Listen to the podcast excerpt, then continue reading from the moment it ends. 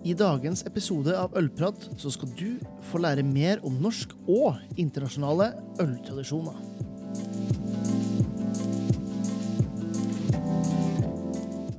Hei, ølentusiaster, og velkommen til Ølprat, podkasten som serverer ølkunnskap og entusiasme rett i øret ditt. Mitt navn er Jørn Idar, også kjent som The Bear Guy i Bear Enthusiast, og i dag har jeg med meg forfatter, og kanskje en av de som har gjort mest for norske øltradisjoner i moderne tid, nemlig Lars Marius Garsvold, som en ekte øltradisjonsentusiast, og som faktisk er mye av grunnen til at vi i dag i det hele tatt snakker om kveik nesten annenhver dag. Så spiss ørene, gjør deg klar, for her kommer intervjuet med Lars.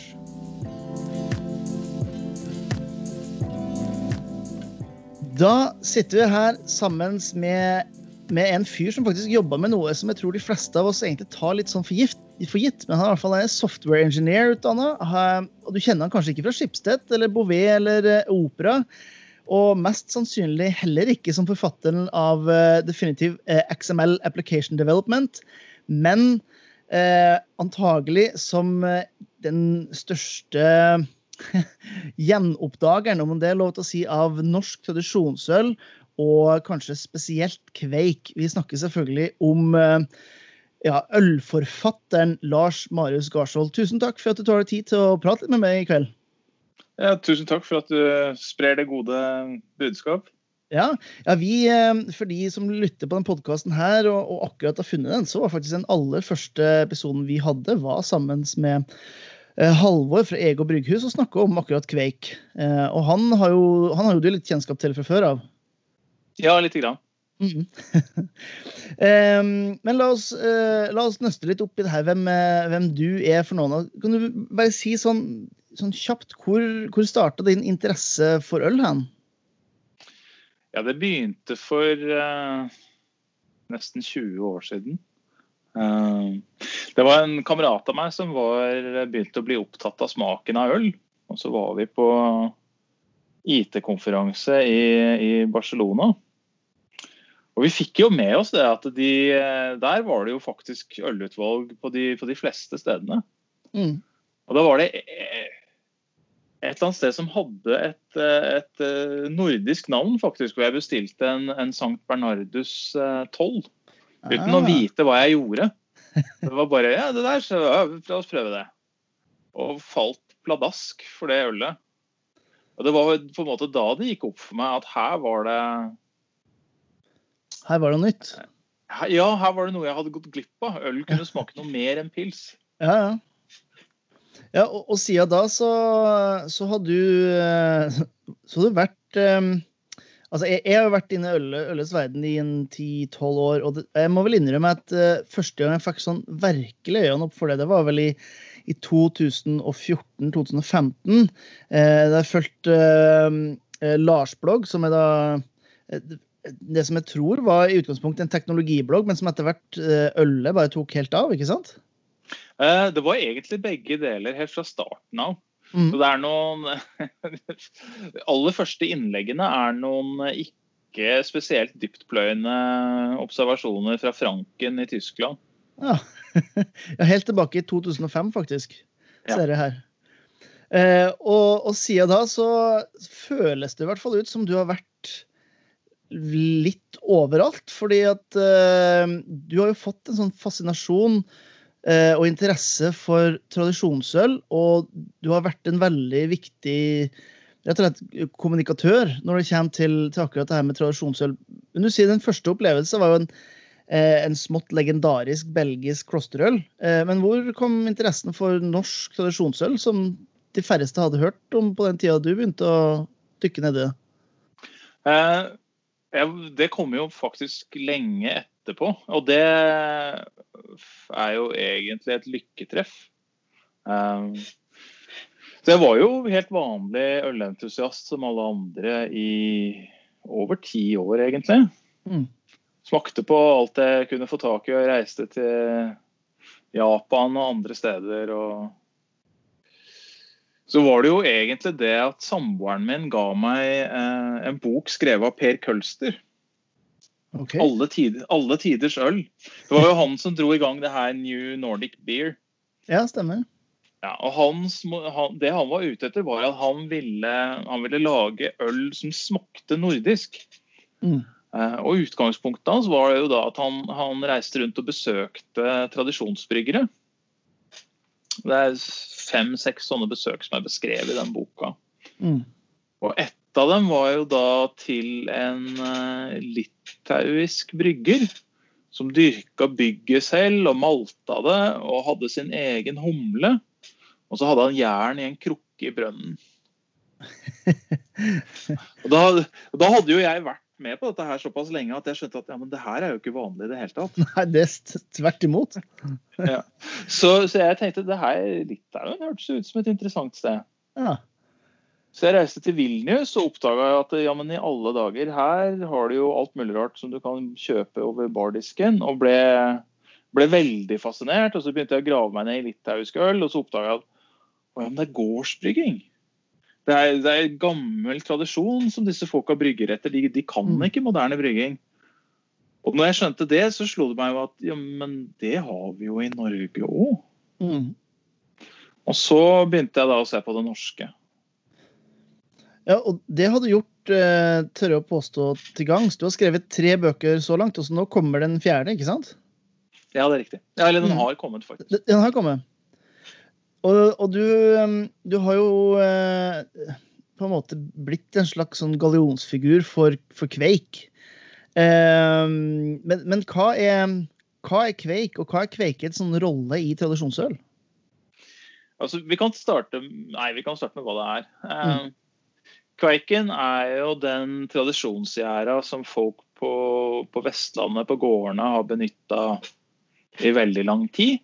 Mm. Uh, som de rett og slett har bare brukt fra, tatt vare på fra ett brygg og putta i neste. Mm. Uh, og sånn har de jo holdt på så lenge som noen er i stand til å huske. Ja. jeg, har, jeg har gjort I mange tilfeller så ringer jeg jo de som gjerne kommer fra, eller jeg spør dem når jeg møter dem, og så kjører bakover. Så du fikk den av den, så ringer jeg den personen. OK, og du fikk den fra Hver eneste gang så stopper det på samme måte. Du kommer til noen som er død. Ja, Litt dystert, men eh, kanskje naturlig, da. Ja, og så går du langt nok tilbake, så er jo alle døde. Det er nå engang sånn det er. ja, ja. Får ikke gjort så mye så, det. Nei, du får ikke det. Det er, det er jo uh, tidens gang, rett og slett. Men mm. det som da viser seg når vi har gått dypere i det, er at uansett hvilken dør du banker på over hele Vestlandet, hvis de har sin egen gjær, så tilhører den alltid samme familie. Mm.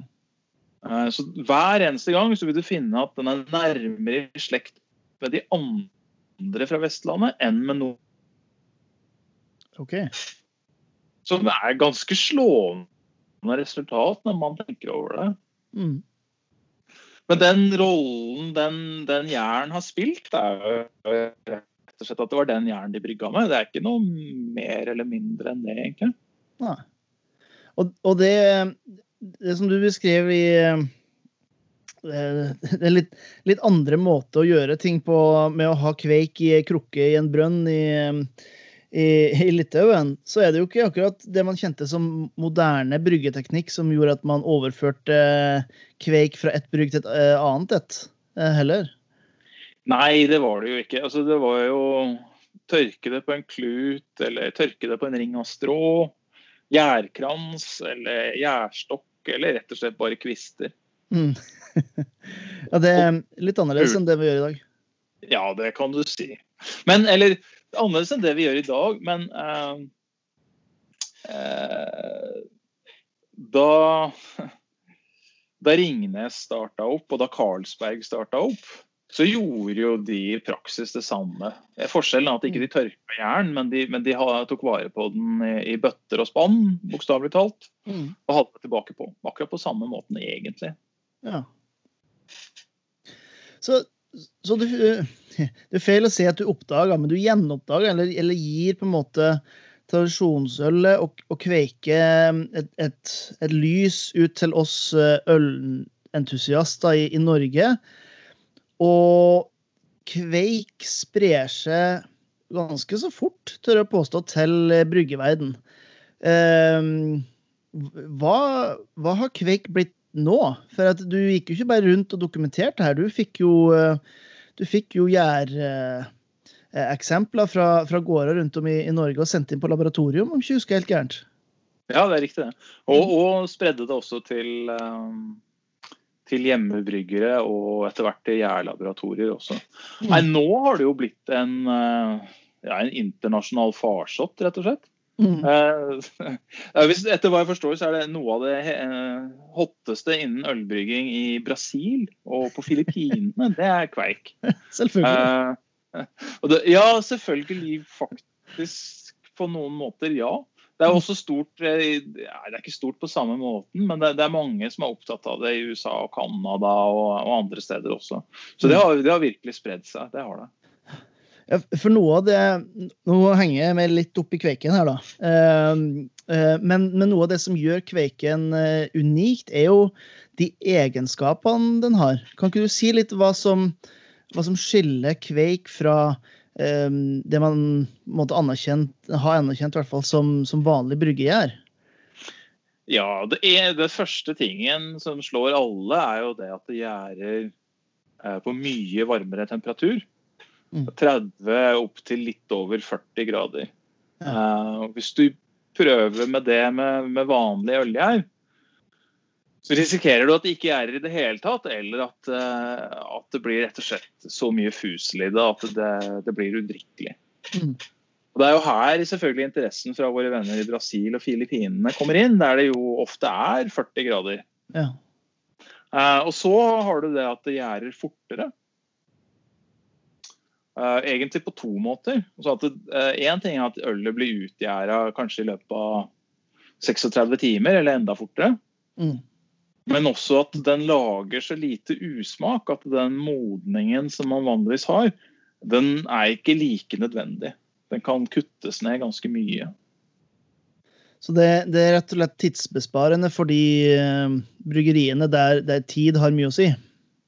Ja, det er jo det. Og det er klart, hvis du lager en IPA som du vil selge ferskest mulig, så har du jo en gevinst der. Mm. Og så har du jo det at når bryggeriet på en måte når kapasitet. Det som fyller bryggeriet, det er jo gjæringstankene. Som mm. står der stappfulle av øl. Og jo mindre tid ølet trenger å tilbringe på de tankene, jo mer kan du produsere uten å måtte flytte til et nytt bygg. Ja. Så det, det, er helt klare gevinster der, ja. Mm. Så, de, så de har rett og slett tatt noe som som har vært en del av eh, norsk eh, ølarv i flere hundre år, og så begynt å bruke det på en helt ny måte? Ja, det er en veldig grei oppsummering. Ja. ja.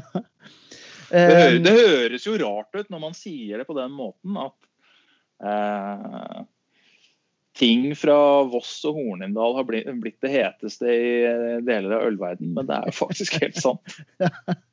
ja, det, det, er ikke, det, er kanskje ikke det man forbinder med de områdene, altså innovasjon. Er ikke det første man nødvendigvis tenker på, man tenker jo mer på, på tradisjon. Ja, og det er det jo for så vidt det gjelder her òg, da. Mm. Og, og, nå øh, har du kommet med ei, med ei ny bok som ikke tar for seg kveik de første eh, Den aller første boka du skrev om, om, øl, var jo om det norske gårdsølet. Um, og så har det jo blitt litt, uh, litt uh, skriving om kveik. Og nå, nå, går det på, rett og slett på, på norsk tradisjonsøl. Har vi snakka mye om kveik, men, men hva mer er et norsk tradisjonsøl? Eh, ja, norsk norske tradisjonsbryggere har jo sine egne øltyper som er særnorske. Mm. Eh, det er jo tre av dem som på en måte det er litt størrelse på bryggingen av. Og de er egentlig radikalt forskjellige fra hverandre. Mm. Eh, og også fra annet, altså fra moderne øl. Da. Så der er det jo altså det er bruken av einer som skiller seg ut. Eh, bruken av kveik i noen tilfeller. Eh, mm. Det at ølet er nesten uten kullsyre, omtrent som engelsk cask ale. Mm. Uh, og så har du jo lang kok på Voss, som gir karamellsmak. Råøl fra, fra Sunnmøre og Nordfjord, mm. som gir helt særegen smak. Og så har du da stjørdalingene som lager maltet selv. Eh, og røyker det kraftig, som, som, også lager helt annerledes øl enn det, man er vant med. Mm. Og det er jo ikke bare Norge som på en måte introduserer det når det kommer til tradisjonsøl. Du har jo vært eh, ja, altså så langt østover som til, til Russland. Og, og, når du ser på når du ser på Ofte så får man spørsmål, i hvert fall jeg når jeg har smakinga, hva hvordan står norsk øl i forhold til, til, øl fra andre land? Og da sier jo ja, det, de har tilgang til samme teknologi og stort sett de samme råvarene. Men når det kommer til tradisjonsøl, så eh, kan jeg se for meg at det er mye mer eh, geografisk bestemt hva, hva det er. Hvordan er, er måte, tradisjonsøl i, i, andre land i forhold til Norge? Ja, interessant nok så er jo Norge, Sverige, Finland, Estland og Latvia har jo den samme bruken av einer. Mm. Så der er det en del likhet. Eh, og eh, gotlandsdrikke, f.eks. Fra, fra Sverige, det ligner en del på, på Stjørdalsøl. Uten at jeg vil si at det er det samme. Men det, det, de røyker også med, med, ord og lager malte selv. Mm. Uh, Finnene har jo litt egne bryggeteknikker. De mesker på en annen måte og lager, lager et sterkere øl. Så de, de, får et øl som du, du, virkelig kjenner forskjell på. Mens mm. eh, estisk kåduølu er jo har noen likheter med ølet fra Nordfjord og, og Sunnmøre, men du smaker jo at de ikke har kveik, f.eks. Ja. Og så, når det kommer til Litauen og lenger østover, så blir jo både råvarene og teknologien annerledes. Mm. I, I, hvilken eh, grad tenker du det? Nei, Der bryggingen lever i Russland, er det jo for, for, det meste da nord for Volga, i skogsbeltet. Og der dyrker man rug. Så det er som regel 100 mm. eh, brygga på rug. Ah. Og I tillegg så bruker man uh, mye ovnen okay. for å brygge. Ja, uh, uh, Kjernen i, i, det russiske bondehus virkelig hjertet av huset, det er ovnen. Den er gjerne mest, ja, så høy som en mann, og kanskje tre meter lang og en og en halv meter brei. Ja, plass. Virkelig, ja, virkelig massiv greie. Uh, og den, den, har Midt på foran så har den et hulrom omtrent som i en pizzaovn. Uh, og det er stort. Det er så stort at uh, i noen regioner tok folk badstuebad ved å legge seg inni der. Jeg har faktisk bilde av det i, i boka. Det er litt annet enn det vi er vant til, ja. Ja, så, men det, det, det, som har drevet mye av måte, utviklingen av, av uh, bryggeprosessene i gårdsøl, uh, det er det at uh, metallkjeler var fryktelig dyrt i eldre tid. Mm. Du må finne en annen måte å meske på. Og Det er her steinølet kommer fra, f.eks. Men russerne fant da en annen løsning. Du kan ta et eh, keramikkar og ha kaldt vann og knust malt i det, og så setter du det i ovnen, og så mesker det i 12-24 timer. Ja, sånn den, ja. ja. Og så har litauerne da kommet på sin egen vri på det. At du mesker på moderne måte.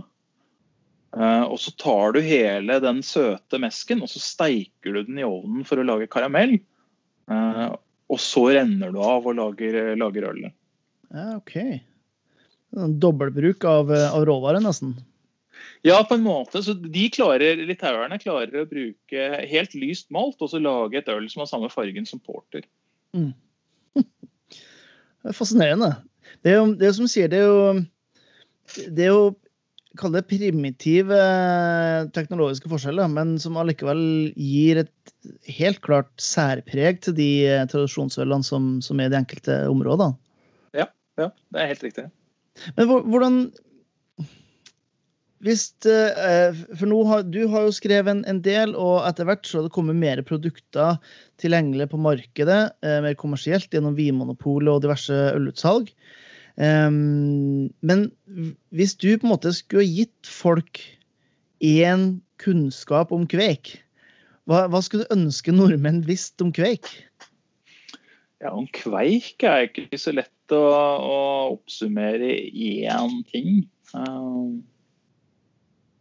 La oss ta det litt det, det, det nord, altså Nordmenn flest da, Hvis jeg, hvis jeg, møtte en person på gata, hva skulle jeg ønske at de visste om kveik?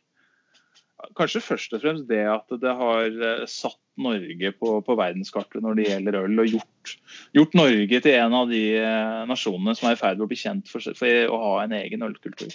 Mm. Så vi har jo, ikke sant, Før så var det sånn at når du så Lysholmen-reklame, så var det liksom godkjent av engelske ølentusiaster, for de har sin egen ølkultur. Mm, ja, Det ja. har vi òg. Og nå begynner, ja. Kveik har gjort at folk begynner å oppdage det. Man har blitt litt mer stolt av det, rett og slett. Ja.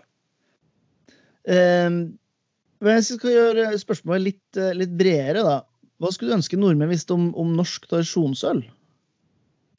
Det blir kanskje litt det samme, mm. eh, egentlig. da. At, at, norsk tradisjonsøl er eh, Altså, Norge er, har jo vært en ølkultur på den måten at, at øl sto sentralt i, i alle samlinger og feiringer av noen betydning i det norske bondesamfunnet. Og da øl som folk laga selv. Så, mm. eh, så, Norge har jo hatt en ølkultur som gikk på både råvarer og prosesser og smaker, hva ølet ble servert i, hvilken sammenheng det ble servert i, hvilke faste uttrykk man hadde for å si noe om ølet når du ba noen på ølet, rundt skåling, rundt det som står på ølet. Altså, norsk ølkultur er så omfattende at man blir svimmel når man skal prøve å på, få, få, få, øye på det hele. Mm. Og At det har blitt så glemt, er jo nesten ubegripelig. Ja, Det må, det må jeg si meg litt, litt enig i. fordi at uh Eh, på en måte før, før du og, og, andre, jeg kan eh, nevne en tidligere kollega med Amund Polden Arnesen bl.a., begynte ja. å dra fram det her med norsk tradisjonsøl eh, og kveik, eh, så fikk jeg plutselig noe annet å si til eh, de ølentusiastene som jeg traff rundt om i verden, som spurte hva som var typisk norsk. Og da, da, brukte jeg å forklare det men nei, altså når det kommer til ølkultur, så har vi et ord som ingen andre har, som er utepils. Som ikke kan oversettes direkte. men nå plutselig så har du noe som faktisk har en substans og litt, eh, litt historie bak seg. ja, det blir en litt annen dybde over det. Det kan du trygt si. litt mer seriøst. Ja, det, det, altså, du kan jo oppsummere det veldig greit. da. Det, det eh, liksom, Erketypiske norske nasjonalromantiske maleriet er jo 'Brudeferd i Hardanger'. Mm. Kan du ha et norsk bondebryllup uten øl? Nei. Nei. Derfor, han som sitter bakerst i båten, han sitter og heller øl fra, fra en mugge. Mm. Og det, det, er et norsk gårdsøl, rett og slett? Ja, det, det, kan du ta for gitt. ja, det, det, tror jeg òg.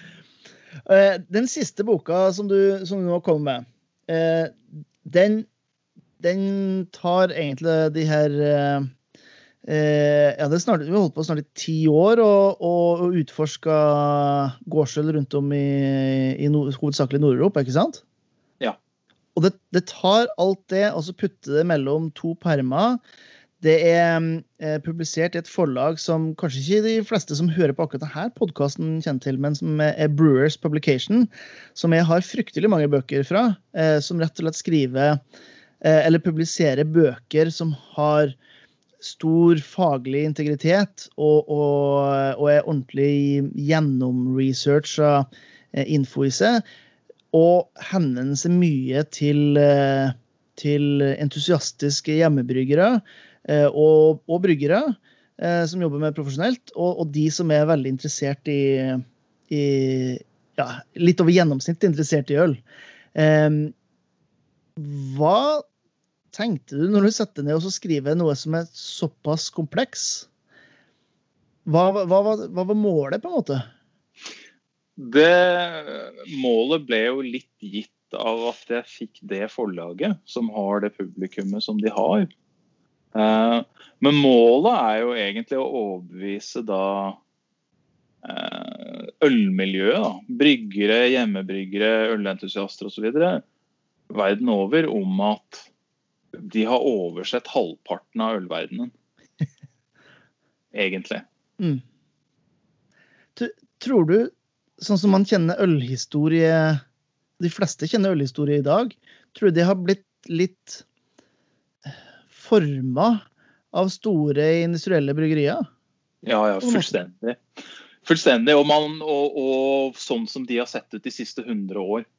Sånn at eh, veldig, veldig mye av det som man har trodd om, om ølhistorien før 1900, da, er jo Det er veldig mye myter. Mm. Rett og slett.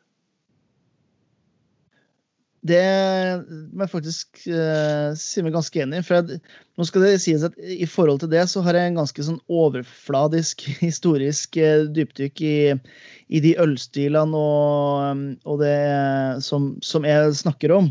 Uh, men det er jo ingen tvil om at det er forholdsvis lett å finne informasjon en, om, en, om, en, gitt ølstil eller om en gitt prosess etter en industriell revolusjon. Og det har alltid vært en sånn frustrerende ting for min del, i hvert fall når jeg skal snakke om, eh, om ølstiler, som, som, om de ble funnet opp med oppfinnelsen av kull. Bare fordi at det, for, for at da fikk man ikke så mye røyk og, og mørke mattyper. Ja, og, ja, og der har du en, en fin da.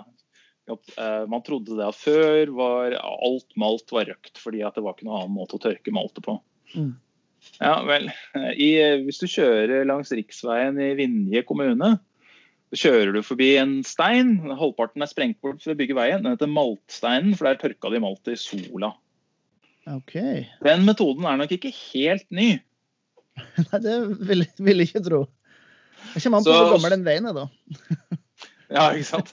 Uh, men de slutta jo når, når veien kom, da, åpenbart. Ja. For, da, røyker jo steinen. Ja. Så, og det, det, fantes andre måter å tørke på også, som, som heller ikke ga noe røyksmak. Sånn at, eh, mal, men det, det, det, skal sies at mye av gårdsmaltet var nok røkt. Det ser ut som på 1800-tallet kan, kanskje to tredjedeler, da. Mm. Ja, det, det, er ikke noen tvil om at det hatt mye å si, men eh, det, det er litt som jeg, som jeg nevner, det, det, er vanskelig å finne noe annet enn en rykter og sånt før eh, før man får etter hvert større og større bryggerier som et resultat av industrialiseringa. Um, og det synes jeg er litt synd også, for det må jo finnes fantastisk mange bra historier fra de store bryggeriene som de ikke forteller lenger, som går på det her med tradisjon. Tror du ikke det? Ja, Jo, det finnes jo noen. Altså, De store bryggeriene har jo eh, på en måte eksistert litt i opposisjon til tradisjonen. For det var jo det at de brukte moderne vitenskap, var jo en av de tingene som, som gjorde at de skilte seg ut, og som de selv betrakta som salgsfortrinn. Mm. Og, og, ikke uten grunn, for så vidt. Men eh, det fins jo f.eks. Eh, Skaus, som starta Skaus bryggeri. Mm. Han slet med helsa og, og reiste til Hardanger for å, for å, hvile. Og Han mente det at det Hardangerølet, sterke hjemmebrygga ølet, egentlig ganske likt Vossaølet, at det var sunt for helsa. Så han fikk jeg husker ikke hva han het, men han fikk en bonde fra eh, Loftesnes i, i Hardanger til å bo en uke i Oslo. og eh, så De brygga da Hardangerøl på Skaus bryggeri i Oslo. Det ble produsert over en periode på 20 år og ble etter hvert kopiert av andre bryggerier også. Men tilbake i Hardanger i, i eh, lokalhistorien der, så har de notert at det godeste Skaus rista på hodet og sa at det her Hardangerølet det kommer vi aldri til å tjene noe penger på, for det var så dyrt å lage. jo, men det har nok vært 10% altså. Oh, ja, ja, såpass, ja. Ja, men Da, da kan jeg godt skjønne at uh, man kan tenke det har en, en helsebringende uh, effekt, ja. Det er ikke noe tvil om.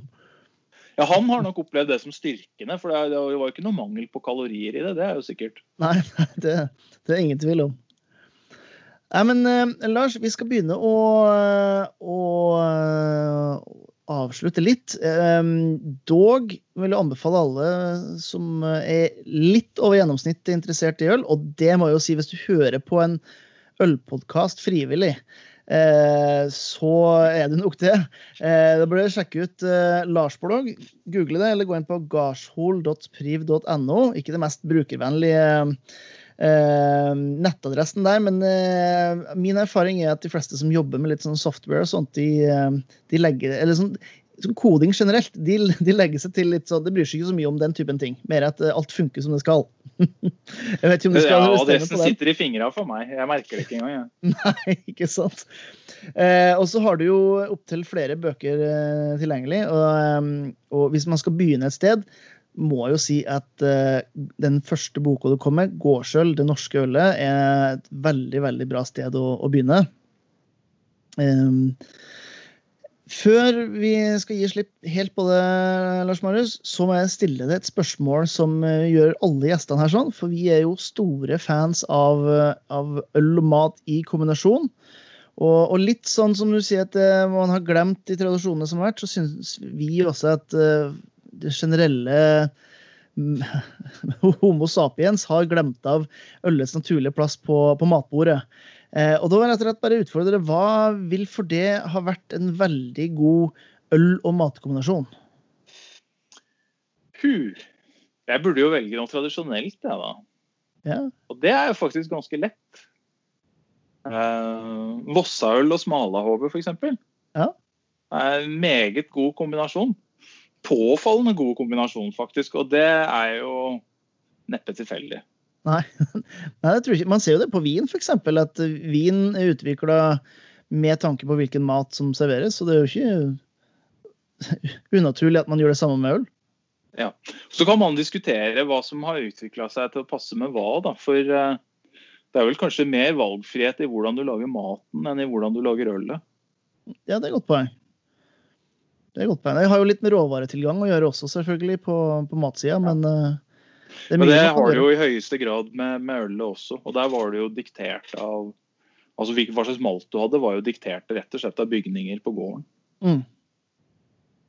Nei, det, det, høres jo ikke helt feil ut da med litt uh, Vossøl og, et smale hode. Så det, det, spørs nok om det blir servert uh, om det blir servert uh, nede på Skaus med det første, da.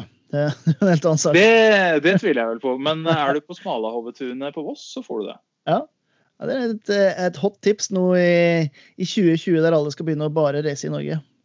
Ikke sant? Som så hører og bør. Nei, men eh, Lars Marius, tusen takk for at du tok deg tid og, og, delte litt av uh, ølkunnskapen din med oss. Sjøl takk. Ja. Takk skal du ha. Ha det godt. Ha det bra. Tusen takk til Lars for en veldig lærerik og underholdende uh, samtale. Og ikke minst tusen takk til dere som fortsetter å høre på Ølprat. Nå tar vi en liten velfortjent sommerferie, rett og slett. Eh, men hvis du har lyst på mer ølkunnskap, så kan jeg anbefale å sjekke ut bearenthusiast.no. Eh, der finner du oppskrifter, du finner artikler, inspirasjon og, og mer til. Og som alltid så finner du oss på Facebook, Instagram, LinkedIn, you name it. Du finner oss der. Ha en riktig god sommer, og så får du huske til neste gang vi høres, at gode folk fortjener godt øl.